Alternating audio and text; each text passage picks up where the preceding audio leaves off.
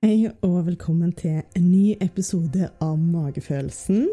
Jeg er Therese Valentin, og jeg syns det er kjempestas at du er her. Og jeg har denne her podkasten som skal handle om alt som er skambelagt i samfunnet for at vi skal kunne være mer oss sjøl. Jeg kommer til å utlevere meg sjøl mye, men jeg har òg mange utrolig kule gjester som forteller om oppturer og nedturer i livet, om ting som har vært vanskelig. Og så har vi òg et stort fokus på selvfølgelig da mental helse. Litt sånn i kombinasjon med kule fagfelt som jeg digger. Bærekraftskampen, bistandsarbeid, likestilling og helse. Jeg syns at alt dette her handler litt om det samme, og det handler om å skape en god verden. Og det har jeg lyst til å bidra til, og det håper jeg at du òg har lyst til å være med meg og bidra til, for det syns jeg er så viktig. Det å heie fram gode initiativ, heie fram gode personer og snakke om det som er bra, snakke om løsninger, istedenfor å bruke masse tid og energi på å snakke om problemene og det som ikke er bra, og faktisk tid på folk som forsurer verden litt. Det blir jo en markedsføring av de, fordi at de sier at all markedsføring er bra markedsføring. Så jeg ønsker at vi skal snakke om det som er bra! Rett og slett. Halleluja! Ja. Uh, utenom det, så følg meg på Instagram. Der heter jeg Magefolsen med OE. Podcast. Skriv meg veldig gjerne. Følg meg, abonner på Apple Podcast eller på Spotify. Skriv en kommentar der. Og del selvfølgelig med alle andre du eh, skulle tenke jeg trenger denne her podkasten, for det tror jeg er faktisk ganske mange, og spesielt i 2021. Og vi skal bygge oss opp igjen, og da må vi sørge for at vi bygger opp et bra samfunn som vi har lyst til å leve i. Woohoo! Jeg vet en del som lurer litt på hvem jeg egentlig er. Det kan du faktisk finne ut av hvis du går inn på magefolelsen.com. Der har jeg en hjemmeside hvor jeg skriver masse om hvem jeg er og min bakgrunn. Jeg har en master i økonomi, ledelse og bærekraft. Jeg har jobbet mye med prosessutvikling og det å se hvordan vi kan forbedre ting internt i bedrifter. Det er det jeg digger å gjøre. Skape løsninger.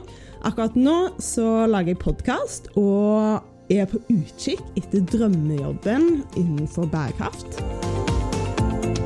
I dagens episode så snakker jeg med Dagfri Forberg, som i dag er nestleder i Zero. Zero er en organisasjon som jobber for at alle skal kunne gjøre en forskjell og bli en del av løsningen Samtalen med Dagfri er todelt, fordi jeg syns at hun har utrolig mye spennende kompetanse. Så første episoden vil handle om hennes lederarbeid og hvordan Zero har vunnet Great Place to Work-prisen flere år på rad. Hvordan du bygger et godt arbeidsmiljø, god kultur på arbeidsplassen, hvordan å være en støttende leder, hvordan å unngå micromanagement. og generelt egentlig bare skape en arbeidsplass som skaper fantastiske resultater, og det kan Zero virkelig vise til. Dette tror jeg det er veldig mange som trenger, og spesielt nå i 2021, hvor det kanskje ikke er lettere å lede, og hvor vi forhåpentligvis skal bygge opp organisasjoner på ny etter korona. Vi snakker òg en del om arbeidet til Zero, vi snakker om klimapsykologi, og så snakker vi om Norges ansvar i utlandet som jeg syns er en ganske spennende tematikk rundt klima- og miljøsaken. Dagfrid er en dame jeg tror mange kan se til for uh, å bli inspirert, og får kanskje en påminnelse om at det er ikke de åpenbare valgene, eller de rette i gåsetegn valgene, som er de beste. Og det å følge hjertet og gjøre det som føles rett for deg, og det har Dagfrid gjort hele veien ut. Det syns jeg er kjempekult, og jeg håper at det fins mange som Dagfrid der ute som tør å gjøre nettopp det. God lytt. Først og fremst, tusen takk for at du har lyst til å være med i podkasten. Tusen takk for at jeg er invitert. Syns det er veldig, veldig gøy. Mm. Jeg antar at du har gjort veldig mye spennende og mange ting du er stolt over, men har du lyst til å fortelle om kanskje et knippe av ting som du er liksom mest stolt over å ha utretta i løpet av livet? Så jeg skal trekke fram én ting. da. Jeg er jo nå i eh, miljøorganisasjon Zero. Eh, og der har jeg jobbet i sju år. Så um, min rolle som nestleder har jo handla mye om å bygge organisasjonen og måten vi jobber på. Ja, at jeg har vært med å lage det teamet Zero er da, Mm. i dag, som både lykkes med å få gjennomslag i klimasaken, Mm. og også er blitt kåret til Norges beste arbeidsplass. Ja, det er eh, kult. Fem år på rad i Mm. ideell frivillig sektor. Ja. Så det er jeg veldig stolt av. Mm. Tror du det er noe spesielt som eh, dere har gjort, eller du har gjort, Mm. som eh, har ført til at dere har fått den prisen? Ja, jeg tror jo at det å jobbe for en sak du brenner for, som klimasaken, er med å eh, gi deg en veldig stor retning, altså en drive og retning i arbeid. Mm. Sånn at eh, alle som jobber her, har et eh, felles engasjement og en felles sak å jobbe for. Mm. Det er et kjempefordel. Eh, samtidig så er jo det også krevende, fordi det er en så stor sak, og det er, eh, går for sakte. Mm. Eh, det er veldig mange meninger om hva som er riktige løsninger. Ja. Eh, og det er lett å bli overvelda av alt man kunne gjort. Så vi har jo jo- jobbet mye med å bygge kulturen og, få teamene til å jobbe godt sammen. Mm. Hvordan gjør dere det?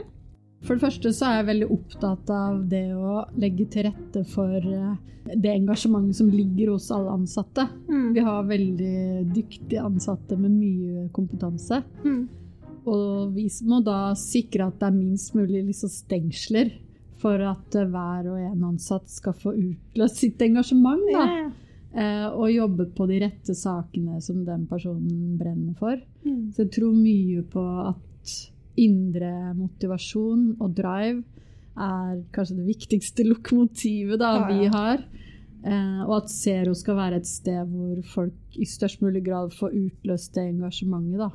Så det handler jo om å gi eh, ansvar og myndighet til mange. Mm. Så vi har en veldig flat organisasjon, hvor vi også har gode ledere som er med og støtter og gir nødvendige tilbakemeldinger og tydelig retning der det trengs, da. Mm. Og så har vi i tillegg um, vært veldig opptatt av at mennesket skal stå i sentrum. Så den aller viktigste råvaren vi har i Zero, det er eh, de kloke hodene. Og da har vi jobbet mye med å legge til rette for at alle de som er i Zero, skal få lov til å utfolde seg.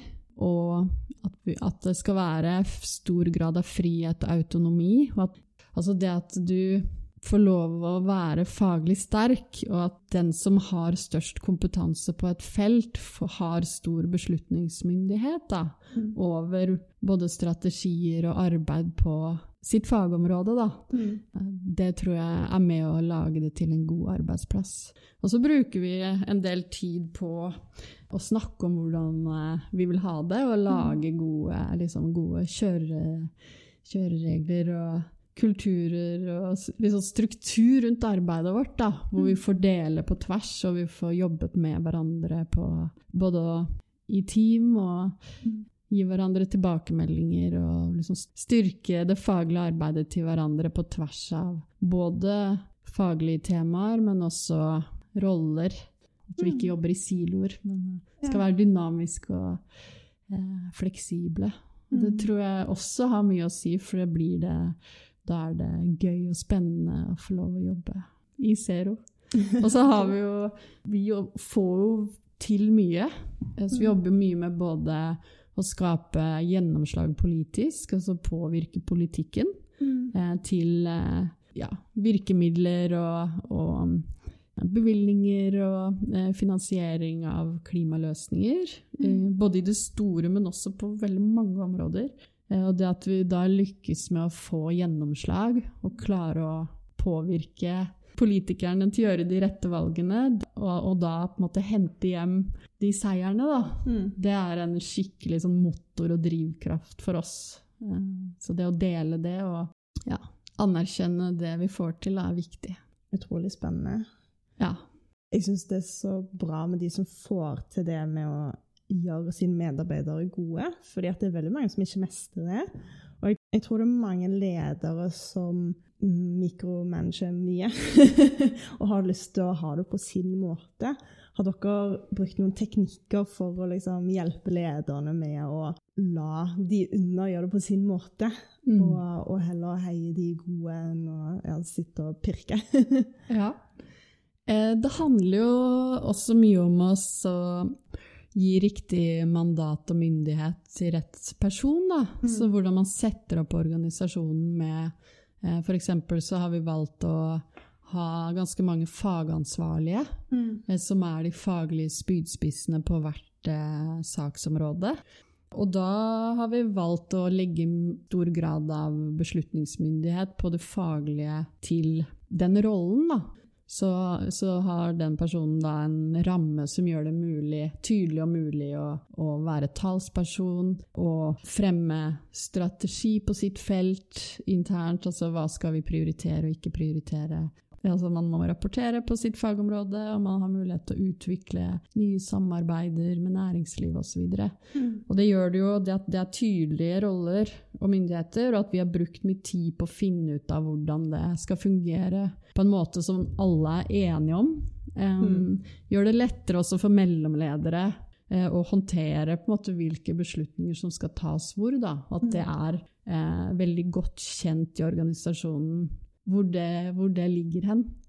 Og så blir jo da det utrolig viktig at lederne er gode sparringspartnere. Når man har en sånn um, hva skal man si, en organisasjon hvor vi forsøker å utløse mest mulig gjennom å gi eh, frihet under ansvar. Da.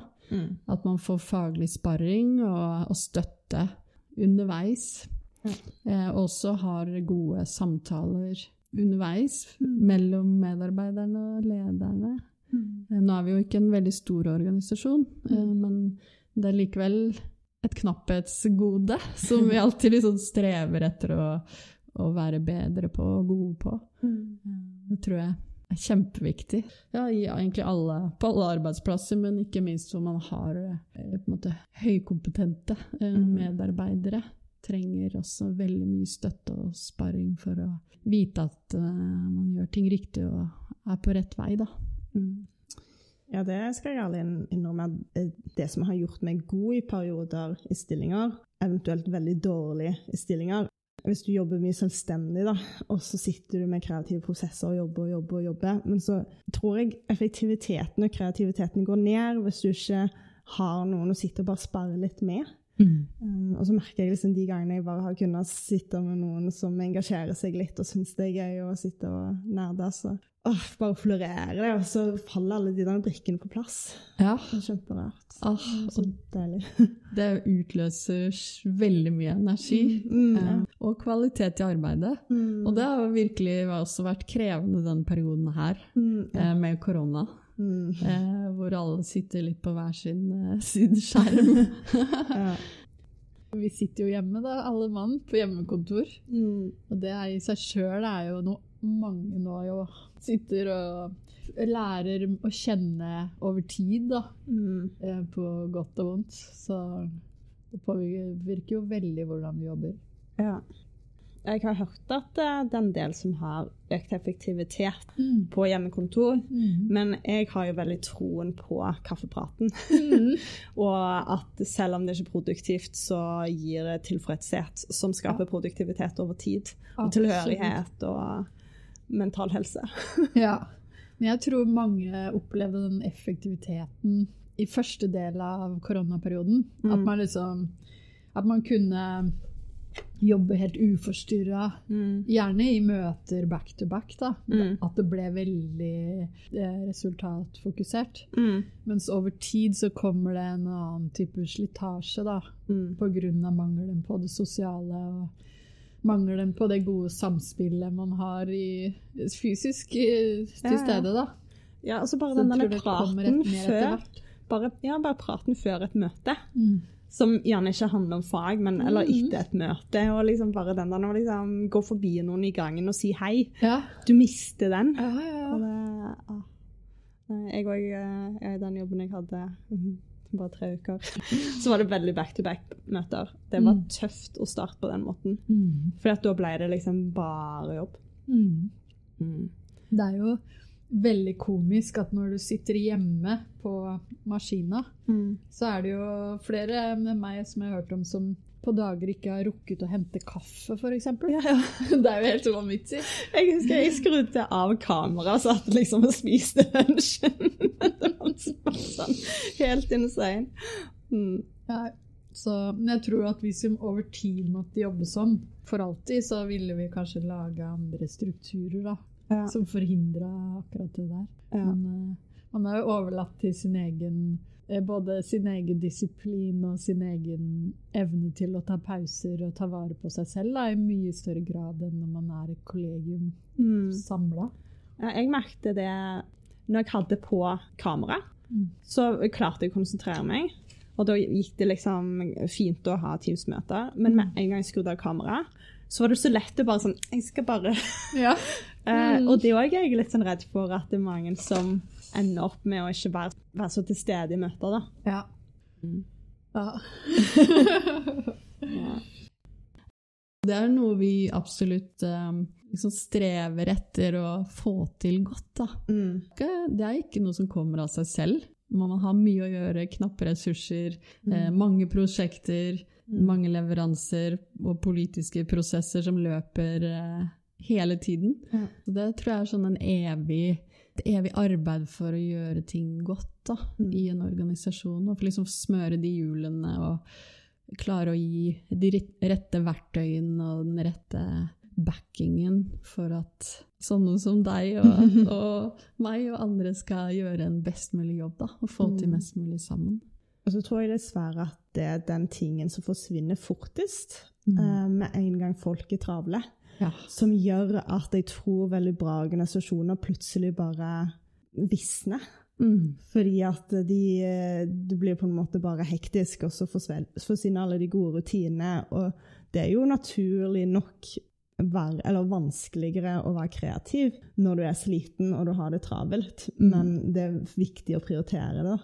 Utrolig, eh, og det er veldig sant. Så det, eh, man kan jo gjerne føle at eh, du jobber veldig hardt og eh, godt på en sak over lang tid alene, men det kan det da også være lett å grave seg litt ned, for langt ned i detaljene, Mm. eh, eller miste retning på hva som er det viktigste. Mm. Eh, Så det, det, det er utrolig en viktig lederoppgave også, å være med å legge til rette for at vi får opp de gode diskusjonene, at, man har, at vi har de fellesarenaene, da.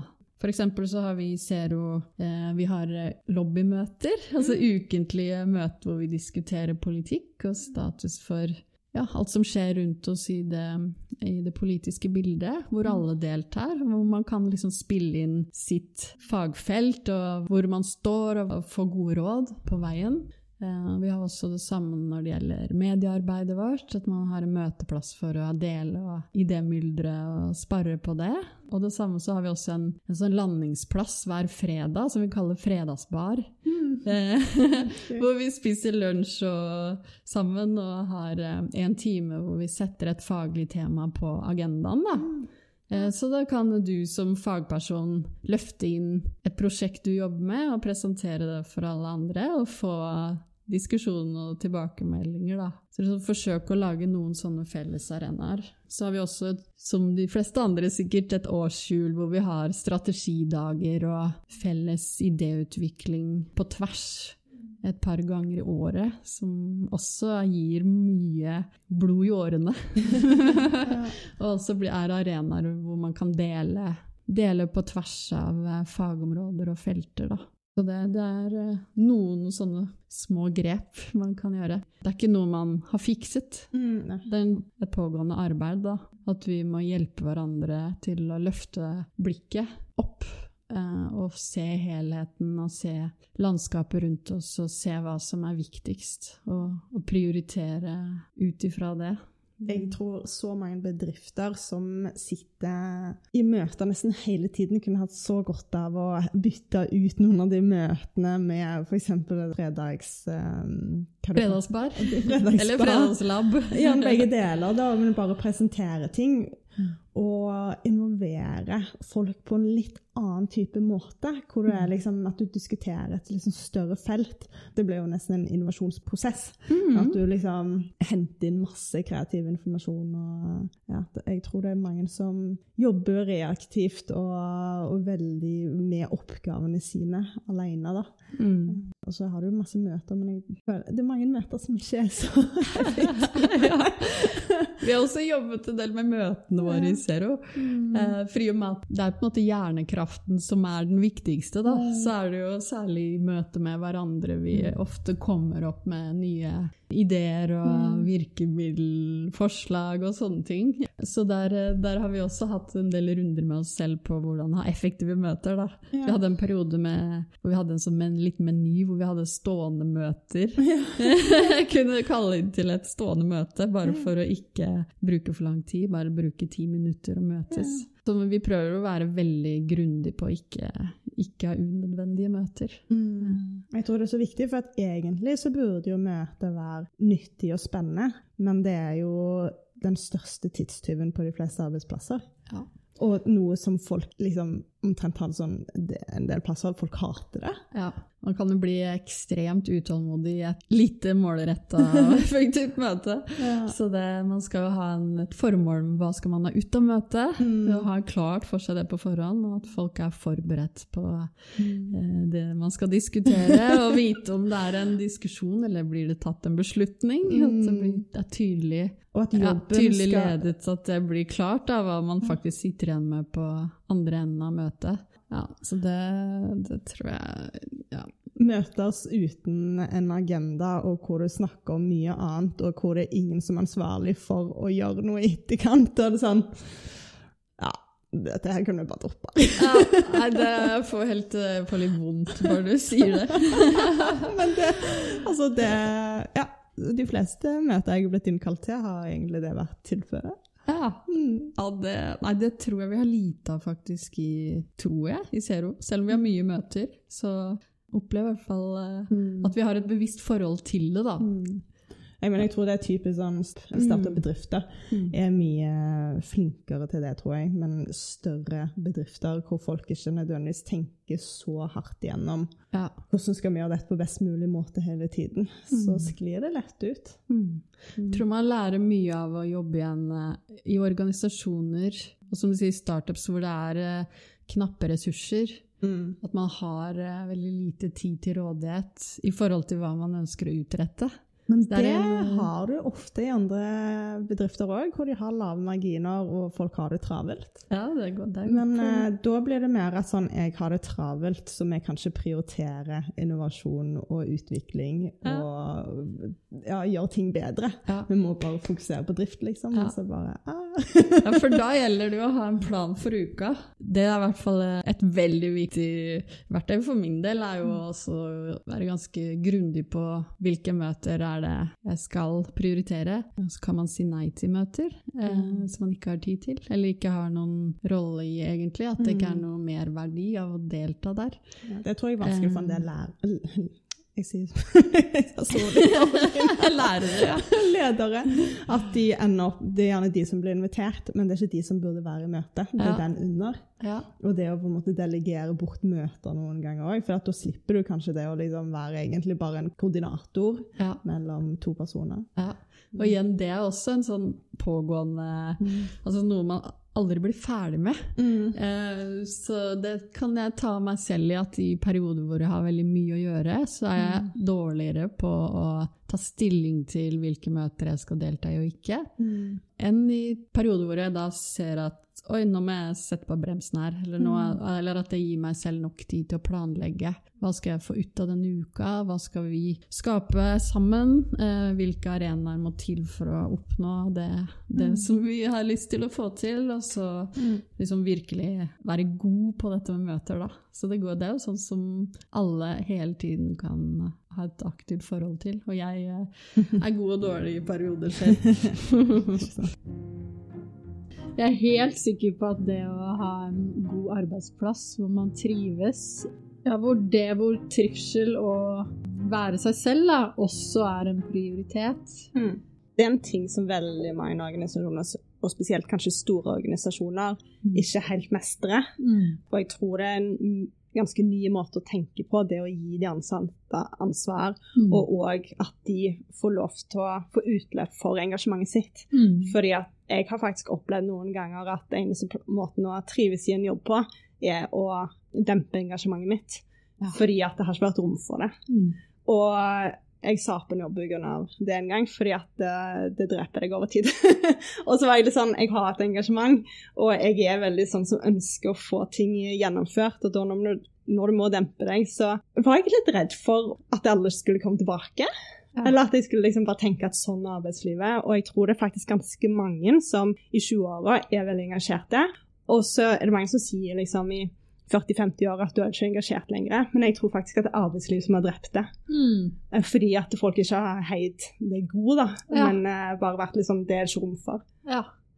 Det tror jeg du har veldig rett i. Og hvis man ser omvendt på det, da, så tenk hvor mye kraft som ligger i et engasjement. Mm. Eh, og den motivasjonen som er hvis, eh, hos deg når det liksom klikker på plass med målene også til virksomheten. Da. Mm. Så det handler jo om at man da klarer å få engasjementet til å samsvare med det man ønsker å oppnå. Da. Og ja. da må man jo jobbe veldig godt med strategi og ja, resultatmåling.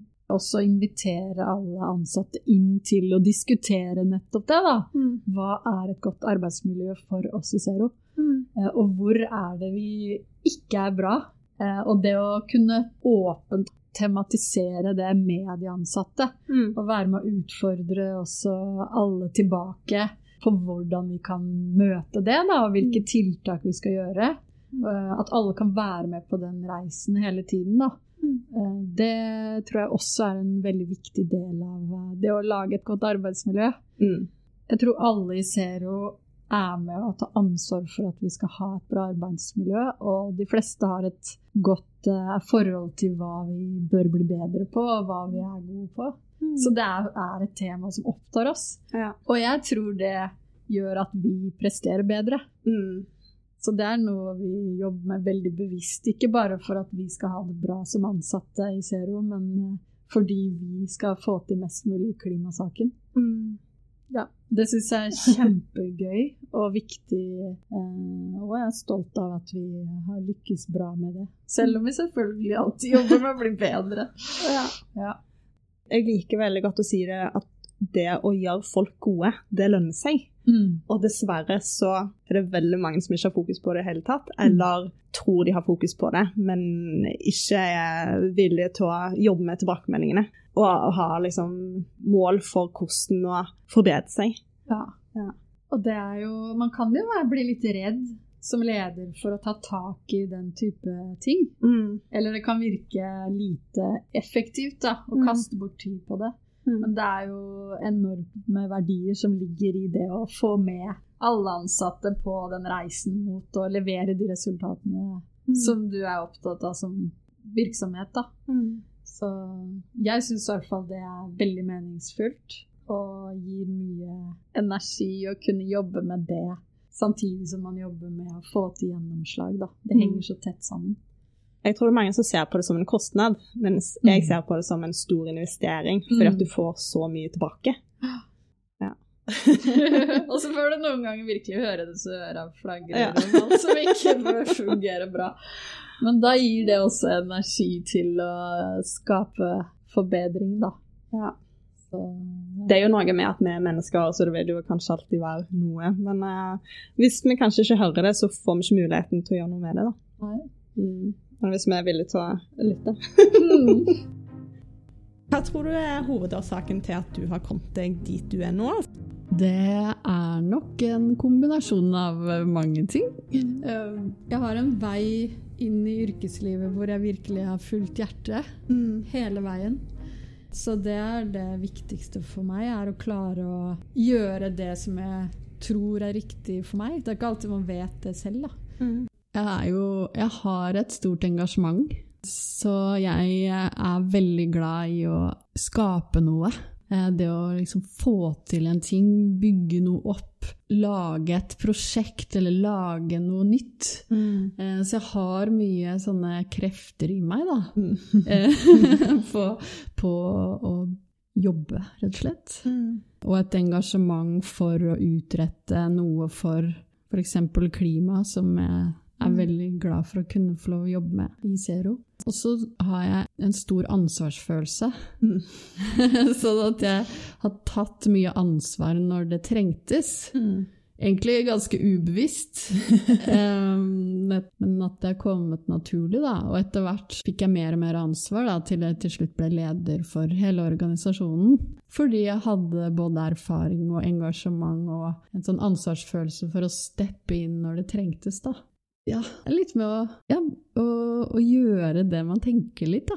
Mm. Ja, For min del. At, at, jeg, at jeg har tatt de mulighetene jeg har fått til å kunne liksom breie meg med, med det engasjementet mitt, som har gjort at jeg da igjen fikk masse erfaring i Snowboardforbundet, Mm. uten egentlig å ha en veldig klar strategi om hvor jeg skulle. Eh, Men å gjø- gjøre masse spennende Mm. Og så utvikle meg som leder, da.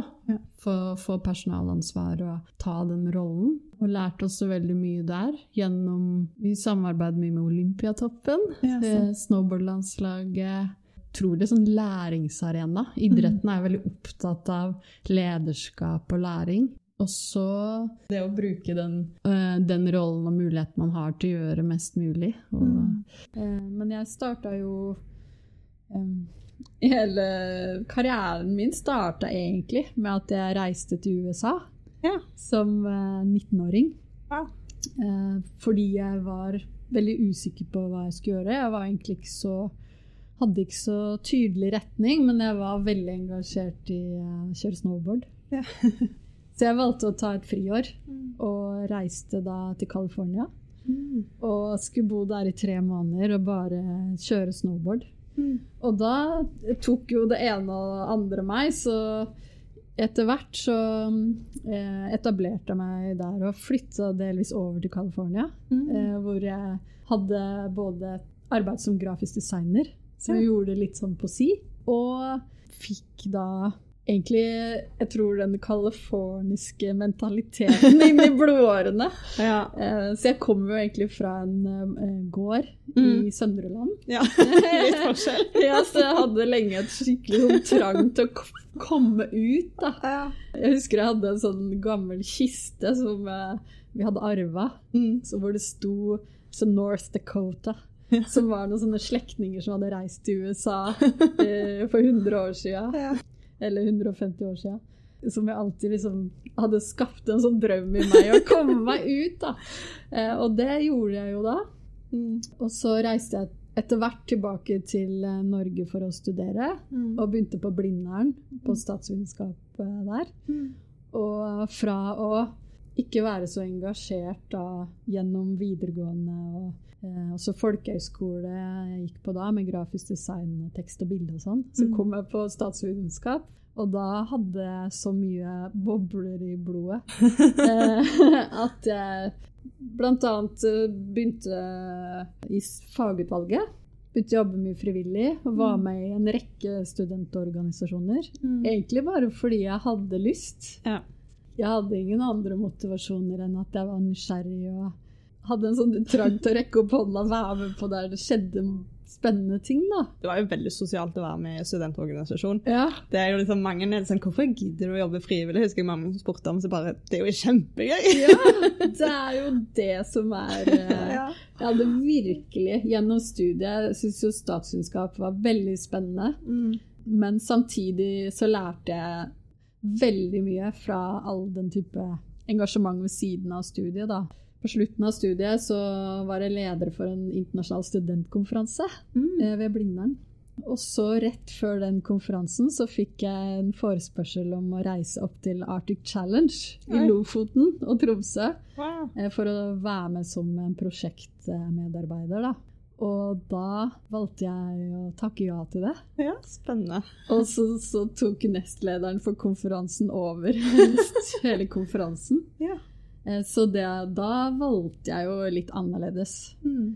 For den liksom rette veien, mer sånn hva man burde gjøre, ville jo vært å være der på studentkonferansen og ta det på en måte ta det helt ut, da, Mm. eh, ved statskunnskapen. Men det, da kjente jeg bare at jeg måtte eh, opp til Lofoten og gjøre det, eh, bidra på det arrangementet, da. Mm. Men det er jo noe med å gripe muligheter òg, da. Ja. Mm. Så da var jeg jobba der i egentlig bare tre uker. Ja. Og hadde helt fantastiske opplevelser der. Mm. Eh, Og i etterkant da så fikk jeg da et jobbtilbud i Ja. Norges Snowboardforbund. Ja, kult. Så da starta jeg opp eh, i Norges Snowboardforbund som klubb- og medlemsansvarlig. Jeg jobbet der i åtte år, og var da generalsekretær i Snowboardforbundet i seks år ca. Så det var jo på en måte en sånn skikkelig 90 graders sving som jeg absolutt ikke var forberedt på, men som bare Det oppsto som en mulighet, da, fordi jeg fulgte engasjementet mitt. Ja. Og det, det har vært en fantastisk eh, spennende reise. Og da jobbet jeg også mye internasjonalt med det internasjonale snowboardforbundet. Og vi henta bl.a. snowboard-VM til Oslo. Oi, det er gøy. Eh, Så det var også veldig spennende. Mange Spennende. kolleger da rundt i verden. Mm. Så med masse spennende arbeid, også politisk arbeid. Og Ja, det er litt artig, for jeg syns det er veldig gøy å høre om alle typer jobber som folk har. ja. Og det er liksom en jobb som jeg eh, kanskje før ikke hadde tenkt på at det eksisterer, hvis du skjønner. ja. Og Det det er er sikkert kjempegøy. Og også interessant at eh, jeg hadde et ekstremt sterkt engasjement for snowboardings vilkår i Norge. Og også det å modernisere den norske idrett, eh, som er veldig hierarkisk og styrt av de store idrettene. Hvor mye Mm. ressurser til anlegg f.eks. går til de store forbundene og de tradisjonelle idrettene. da. Ja. Så jeg tror jo det kunne være med å utfordre de systemene og jobbe for å endre på ressursfordelinga til nyere, mer moderne idretter. ja. Det er jo et veldig sånn en verdimessig engasjerende ståsted, da. Mm. Var det noe spesielt som fikk deg til å gå mot miljøet og klimasaken? Ja. Jeg har jo egentlig alle vokst opp midt i naturen. Jeg kommer fra en gård. Mm. Eh, Så jeg har jo et veldig tett forhold både til dyr Mm. der. Hadde både sauer og kuer. Ja. Eh, og vokste opp i skogen nesten. Jeg hadde en venninne med hest, så vi hendte jeg ble henta av henne med hest på bussen. og røy galopp hjem. Og det var mye i skogen som liten og på fjellet, så jeg er jo veldig glad i å være ute i naturen. Mm. Eh, Så jeg kjenner jo på et stort ansvar for eh, naturen. Mm. Så mitt forhold til klimasaken handler veldig mye om en ansvarsfølelse. Mm. Eh, Jeg opplever veldig sterkt at det er den viktigste saken for oss i vår Mm. generasjon. Å gjenopprette et samfunn hvor vi ikke belaster naturen og planeten mer enn på en bærekraftig måte. Så jeg kjenner veldig sterkt på den, et ansvar. Jeg kan kjenne meg igjen der. Er du litt sånn som når du tenker på noe, så tenker du å gjennomføre det? Og at når folk snakker om noe, så er det sånn Ja, men la oss bare gjøre det. Ja, det er eh, Og det var det som tiltrakk eh, meg til Zero. Mm. Fordi Zero eh, står for løsninger. Mm. Så vi skal snakke mer om det vi er for, Mm. enn det vi er mot. Ja, det er bra. Og jobbe for løsninger. Og det var jo virkelig det som ja, Zero er tufta på da, de, da vi ble starta Mm. opp. Sånn at uh, i, i kulturen vår så handler det om hele tiden å finne løsninger. Mm. Vi skal uh, levere gode forslag som er gjennomførbare, både i næringslivet og for politikken. Det har jeg så veldig sansen for. Så Ja. liksom at ja, man skal dvele med problemene, og dvele nok ved de til å Mm. forstå de grundig nok. Og så handler det om å finne løsningen på de. Mm. Så det kjenner, kjenner jeg veldig på. Ja, og det, det tror jeg jo flere og flere har kommet dit, da. Mm. Alle virksomheter skal bli en del av det grønne skiftet. Alle deler av samfunnet. Mm. Eh, Så jeg tror for alle er det muligheter til å gjøre måte, problemet, miljøproblemer, unødvendig ressursbruk, utslipp av klimagasser, gjøre det om fra en vanskelig situasjon som er liksom vond å kjenne på at man står i at her er jeg ikke del av løsningen, Mm. til ok, men hva må vi gjøre? Mm. Hva kan vi endre for å komme på den andre sida? Mm. Og det tror jeg alle har mye muligheter til å påvirke i dag, da. Mm. I går så sto jeg grytevakt for Frelsesarmeen, for de sliter med at det er veldig mange som pleier å stå grytevakt, er pensjonister og er i risikogrupper. Og jeg syns det er så fint arbeid de gjør å samle inn, og det er noe som har vært med meg hele livet, som at de står der i jula. Ja. Og det syns jeg var så fin opplevelse, det å liksom se folk komme og gi penger. ja. Det er så håndfast. Mm. Så var det faktisk flere som stoppet, og han ene snakket med meg om at én god gjerning smitter ja. Som kan bli til så mange andre gode gjerninger. Og det handler om det samme i klimasaken, at alt vi gjør, eh, betyr noe. Og hvis jeg gjør noe, så kanskje jeg inspirerer noen andre til å gjøre det samme. Mm. Så får det ringvirkninger. ja. Men derfor så syns jeg det òg er ganske viktig å gjøre det du sier og det du tenker. For det er veldig mange, og kanskje òg folk som er engasjert i klimasaken, som snakker mye, Mm. men som ikke gjør det sjøl. mm. Og det tror jeg er skadelig. Så det å kanskje gå litt inn i seg sjøl og Du trenger ikke gjøre alt perfekt, men prøve å liksom gradvis ta tak i, i det du kan gjøre. da. Ja. ja, det er veldig interessant det du peker på der. Det handler jo også mye om det at å bli en del av løsningen, eller gjøre tiltak, får deg til å føle deg bedre. Um, per Espen Stoknes har jo gitt ut en kjempespennende bok på dette, som Mm. handler om nettopp eh, klimapsykologi. Da. Mm. Det du tenker på når du Fader, jeg husker aldri hele tiden den tittelen. Det, du burde- det du tenker på når du burde ha tenkt på klimaløsninger. Ja. Svarte. Nå kommer jeg til å få en telefon fra Per Espen. Eh, det handler i alle fall om at eh, mange kjenner en sånn kognitiv dissonans Mm. eh, som er veldig vond. F.eks. når du står og tanker opp bilen med bensin, da, og du ikke har en elbil. Og du vet egentlig at det er forurensende, det skader miljøet. Ja, men du har kanskje ikke økonomi til å bytte bil, eller du har ulike behov. Og det gjør at det er lett å ta avstand fra hele klimaproblemet. For at det kjennes så vondt hvis du virkelig tenker på at du står og forurenser og er en del av en måte, det store problemet. Mm. at det kan være med å, å gjøre at du føler avmakt, og at du ikke klarer å romme klimaproblemet. Da. Mm. Og det tror jeg er en grunn til at det fortsatt finnes klimafornektere også, eller de som motarbeider eh, klimaløsninger. At man ikke har liksom kommet i gang med å være en del av løsningen. Det Og det endrer hele perspektivet, når man kjenner at oi, nå er jeg med på å skape en endring her, jeg er en del av det grønne skiftet. Um, enten det er gjennom å eh, redusere transport, gjennom å ikke dra til uh, Asia på juleferie, eller å gjøre andre tiltak i hverdagen som å unngå unødvendig handling, eller å ja, gå til Tenke litt gjennom hvor du handler. Ikke sant? Og da tror jeg at mange som, også i Norge, da, har blitt en del av dette, f.eks. Ved, å- ved å bytte til en utslippsfri bil, da kjenner på at man er en del av løsningen, og derfor så også er, blir engasjementet større. Og da er det lettere å ta neste skritt og bidra med neste skritt. Og også ikke minst lære mer.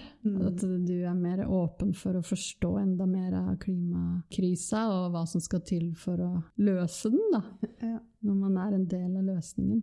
Og det gjelder også alle virksomheter. Der er det mange som tar store skritt for tida. Jeg syns virkelig det går en sånn grønn eh, vind gjennom næringslivet nå. Og mange virksomheter tar tak i sin egen utslipp og begynner å føre klimaregnskap og lage strategier, sette seg konkrete mål om hvordan man skal omstille bedriften, kutte utslipp, ta i bruk klimateknologi. Kanskje til og med omstille hele forretningsmodellen for å tilpasse seg det vi vet kommer til å skje, da, med en Mm.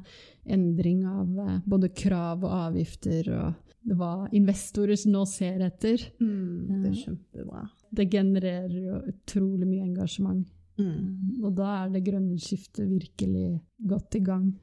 Når folk begynner å se muligheter. Ja. Det er bra. Det er mange muligheter. Det er mange, veldig store muligheter i lavutslippssamfunnet. Mm. Eh, og det blir jo et veldig godt samfunn hvor vi klarer å skape verdier uten at det henger sammen med å bruke masse ressurser. Og jeg tror jo en del bedrifter kan gjøre Altså Hvis de bare ser litt på produktene sine da, og all emballasjen de bruker Hvis de hadde starta det Mm. Jeg tror ikke det hadde krevd så veldig mye å fjerne den, men jeg kjøpte noen truser for en uke siden som jeg fikk hjemlevert. Og så er jeg sånn spesifikk i truseveien, så jeg har lett lenge og var superhappy over å ha funnet noe. Men truser er ganske små. Ja. Og det var liksom, hver truse kom en henger. Og så var det liksom bare den der lappen på trusa. Jeg tar- er jo like stor som trusa omtrent. Ja. sant? Og så er det en pose rundt. Og det var så mye plastikk at jeg fikk jo helt Altså, det gjorde så vondt i sjela. Ja. Men jeg tenker, for de så må det for første være dyrere å transportere, og de Mm. må jo henge disse trusene på disse hengerne mye greier. Så da tenker jeg, hvorfor ikke bare Her er det noen Fjerne. som ikke helt følger med i timen. Ja. Eh, og jeg tror jo gi de et par år, så tror jeg ikke du finner det i butikken lenger. Nei. Eh, For det er helt eh, Det er både ressursløsing og, og mer kostbart. Ja. Det henger ikke på greip. Mm. Jeg skrev en mail, og så skrev jeg et innlegg på Facebook. Veldig bra! Bare for å liksom eh, få litt sånn fokus på det, forhåpentligvis, liksom. Kjempebra. Det er jo, da bruker du ditt handlingsrom. Ja. Og vi, vi snakker mye om dette med ditt handlingsrom. Mm. Alle har et handlingsrom. Både der du er på en måte som privatperson, Mm. hva du gjør der, men også i jobb. da. Alle eh, virksomheter skal omstille seg og redusere utslipp og eh, lage en altså ha en forretningsmodell som passer inn i framtida. da. Mm. Alle kan være med å påvirke sin arbeidsplass i en eller annen form. Så det, der viste du et veldig godt eksempel på som kunde eller forbruker. da. Mm. Hvordan det å etterspørre grønne produkter og, og si fra hvis det er noe som ikke er bra, Mm. at det påvirker produsentene og butikkene til å ta enda raskere de rette valgene. Da. Mm. Ja, det er det jeg håper, at hvis flere gjør det, så til slutt så er det sånn OK, vi kan miste kunder over dette, faktisk. ja. Fordi at jeg skal ærlig innrømme at jeg får ikke lyst til å handle fra de på ny. Og nå kjøpte jeg masse truser, så det trenger jeg ikke på en stund. Men, det er det eneste jeg handler derfra. Men jeg hadde aldri kjøpt noen ting annet fra de, bare pga. det. Det er en endring som skjer nå, og det har jo lenge vært snakk om måte at det er en risiko forbundet med å endre seg eh, til en mer lavutslippsbedrift, eller det å kutte utslipp. Det er forbundet med risiko. Men eh, nå hører vi virksomheter si at det oppleves som en risiko å ikke endre seg. Egentlig alle de store nasjonene har nå klare mål om å bli netto nullutslippsnasjoner eh, og kutte veldig mye på kort tid. EU innfører nå en taksonomi som eh, setter en merkelapp på om store virksomheter er grønne eller, og bærekraftige eller ei. Og, og det påvirker om man får finansiering og gode lån. Altså det er så mange drivere nå som gjør at det begynner å bli et større risiko å ikke endre seg, ikke gå inn i forretningsmodellen og se på hvordan skal jeg henge med i timen nå inn i framtida, enn det å ikke gjøre det. Så det er et sånt skikkelig tipping point. Så håper jeg bare at det norske Start følger det. For EU gjør mye bra, og så håper jeg at den norske regjeringen eh, ser til EU i alt som skjer der. Ja, det gjør jo en del riktig. Mm. Eh, Så satsing på hydrogen, f.eks., på omstilling av norske ferjene, Mm. f.eks., hvor man har eh, utslippsfrie løsninger i maritim sektor, hvor vi er en stormakt og Mm. har kjempepotensial for å lage en ny industri som kan få et globalt marked. Og vi har satset på CCS, hvor vi nå har et prosjekt på vei, og, og forhåpentligvis to. Ja, men det er litt for smått. Altså, Det er for lite midler. Regjeringen må jo trykke mer på pedalen og gjøre en enda tøffere omstilling for at vi skal henge med i timen. Mm. Investere i det som er framtiden. Ikke sant? Mm. Det handler om å skape nye arbeidsplasser og nye verdier og velferd og trygghet for oss, altså Mm. norske befolkningen inn i framtida. Og der eh, har vi nok mer som gjenstår. Så det handler om å finne ut av også hva vi kan eh, skape verdier av i framtida. Mm. Og være gode på å investere i det mens vi fortsatt har den, ja, den gode økonomien vi har, da. Vi har så mange kompetente mennesker i Norge, så jeg tenker vi har jo ressursene. Vi må bare bruke ressursene på rett plass og skape innovasjon. Ja.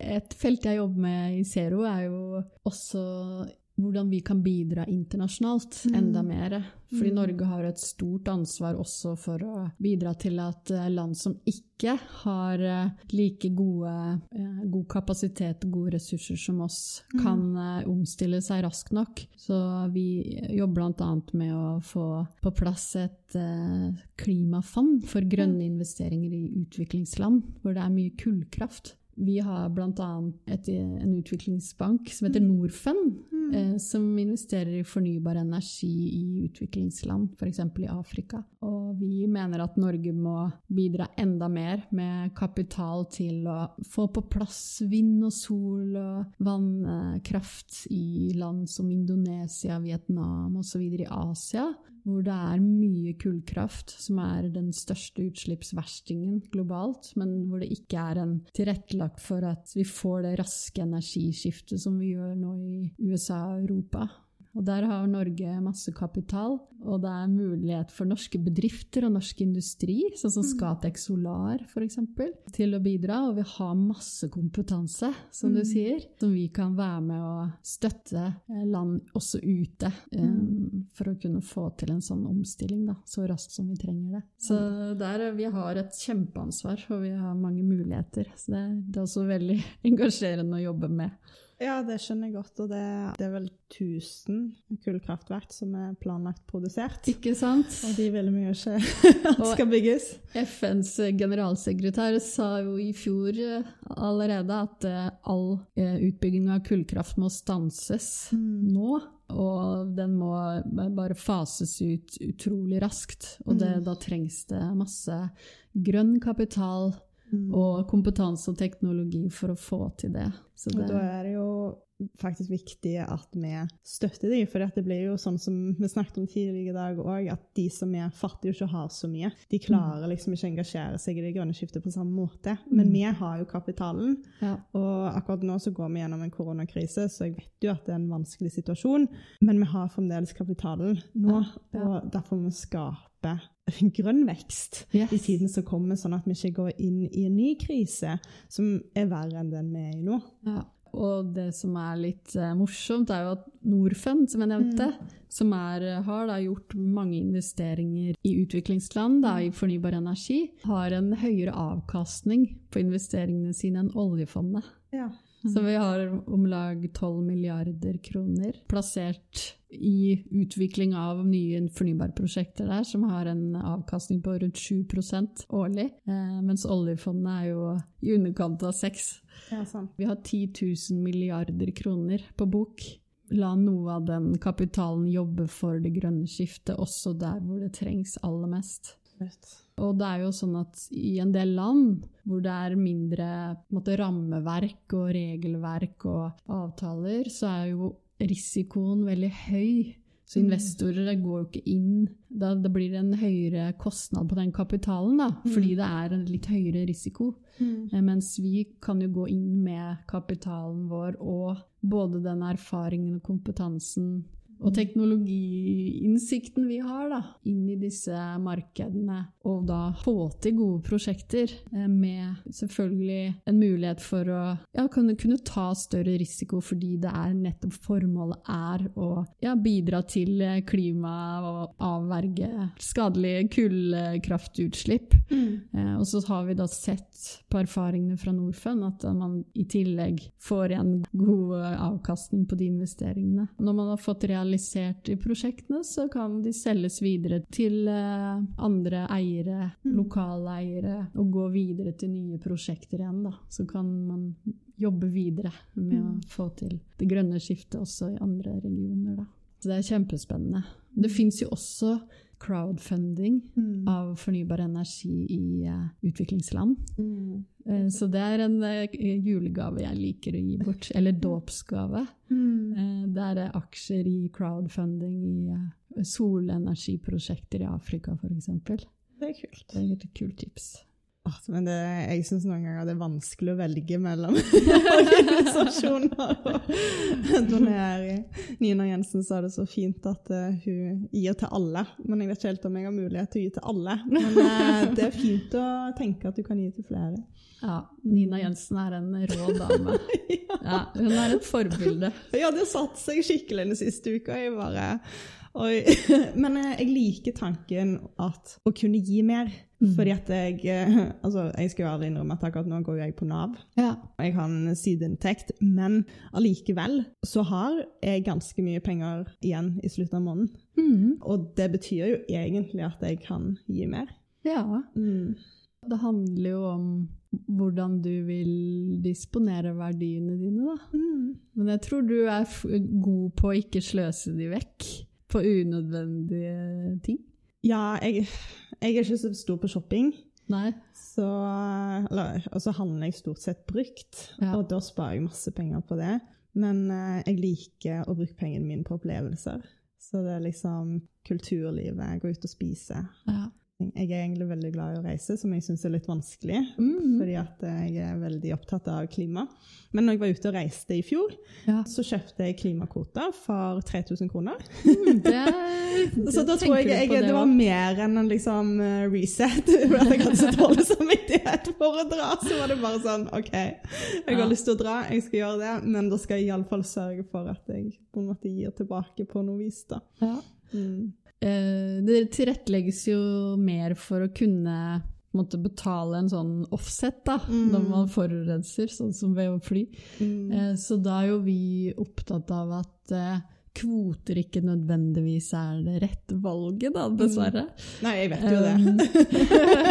men, men, det å da å jeg tror det at, at, det skal koste litt å ta et sånt valg, da, mm. som å ta en flyreise til New York for helga. Mm. Altså For det første så er det Jeg sitter ikke med en god følelse for det lenger. Eh, men hvis man først gjør det, kanskje man må gjøre det i jobbsammenheng eller eh, mm. pga.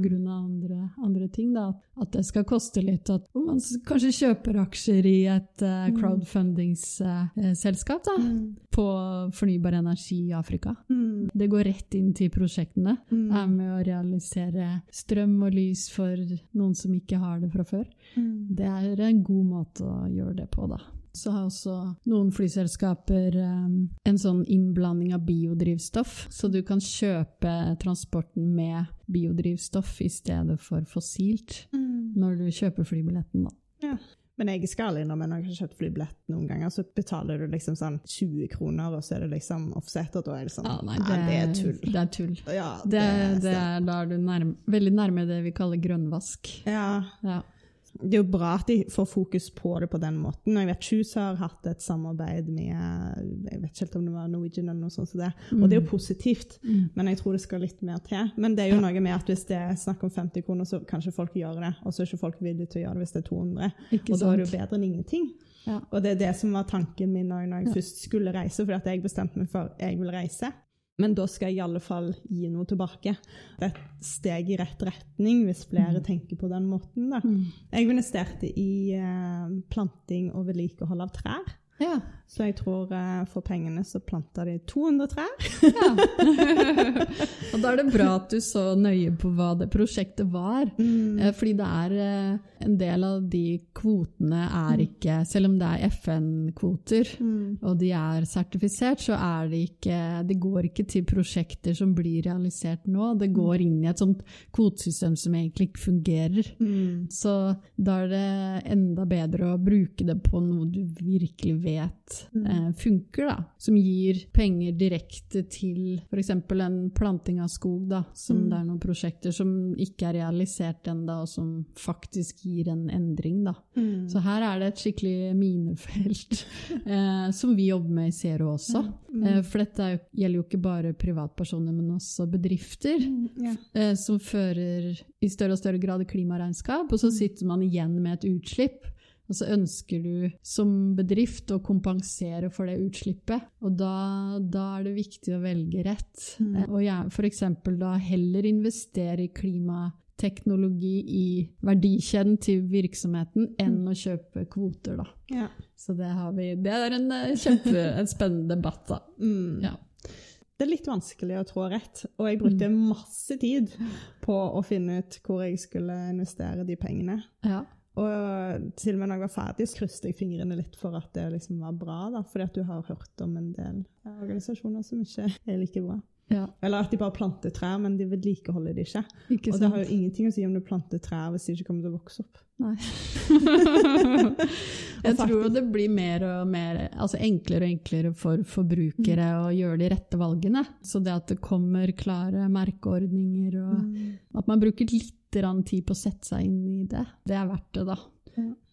Jeg lærte at faktisk, når du planter et tre Først så husker jeg at det var ene plassen så kunne jeg liksom kjøpe 1000 trær, og andre plassen så var det 200. Jeg bare, å, da går det sikkert masse til administrasjon, men så sa de at ja, men det som er at det er jo ikke det å plante tre som koster noe, det er jo vedlikeholdet.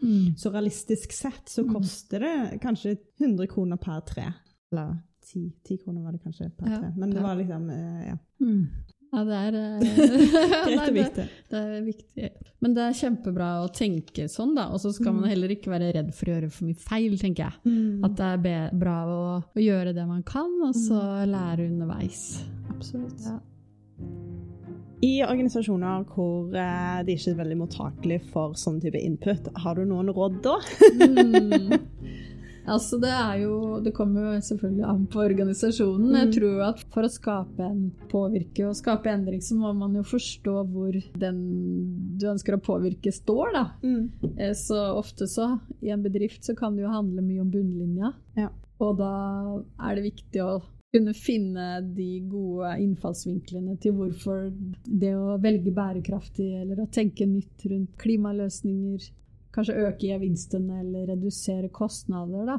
Mm. Eh, Eller sløsing av ressurser. Mm. For mye av det her handler jo om å, å redusere ressurssløsing, f.eks. Mm. Eller energieffektivitet, som også kan kutte kostnader. Mm. Det krever noen ganger at man investerer på kort sikt. da. Mm. At det er kostnader forbundet med en endring, et innkjøp av noen f.eks. elbiler. Mm. Mens det på lengre sikt vil kutte kostnadene på driften. Da, da må man jo synliggjøre de langsiktige effektene. Mm. Jeg òg har erfaring egentlig med det at eh, du kan liksom snakke om moral og etikk og mye, men med en gang du begynner å snakke om kostnader, så er det sånn Så begynner ting å skje veldig Ja. fort. Og det er jo ikke noe rart. Nei. Nei. Så vi tror at eh, klimaløsninger må lønne seg. Så Mm. vi jobber jo veldig for også politikk, da, som gjør det dyrere å forurense og gir insentiver til å ta de riktige valgene miljømessig. Mm. Det er sånn vi klarer å løse klimakrisa. Det er det. Mm, absolutt. Selv om det er litt vanskelig å svelge. Mm. Fordi at i en ideell verden så skulle det vært nok at det liksom bare sånn Det er det rette å gjøre, men uh, det er ikke sånn næringslivet funker. Nei. Nei. Men det som eh, også er bra, er jo at det kommer mer og mer krav til rapportering. Mm. Så man får ikke bare den finansielle rapporten inn i styrerommet. Da. Du får også etter hvert krav om å rapportere på utslipp og miljøavtrykk. Mm. Og det tror jeg vil endre de premissene, da. Mm. Da vil også det bli et område hvor man har KPI-er og man blir målt fordi at det kreves fra investorer eller eiere eller uh, en overordna virksomhetsstrategien. Da. Mm. Så det er en endring på vei. Heldigvis. Mm. Det er veldig spennende å snakke med deg, så jeg kommer til å dele denne episoden i to. Ja. Fordi at eh, jeg syns at det andre vi skal snakke om, er et òg veldig viktig tema. Så jeg tenker det er fint å splitte det litt. ja. Sånn at det ene er liksom arbeidet i zero, og neste del handler litt om det å ta vare på seg sjøl. Både for å ikke skade seg, men òg å ta vare på seg sjøl når du har skada deg. Mhm. I andre delen av samtalen så snakker vi om hodeskader forårsaka av ulike typer fall, og hvordan hjernerystelser kan påvirke deg over lang tid. Dette er noe som faktisk skjer flere enn du ville tro, så jeg syns det er veldig fint at Dagfrid åpner seg om hennes egen hjernerystelse og det som heter post-homotios syndrom, som er en senfølge av en hjernerystelse som kan vare over lang tid. I kombinasjon med dette så snakker vi om hjernehelse og det å ta vare på hjernen vår, og utbrenthet og stress og generelle anstrengelser vi utsetter hjernen vår for.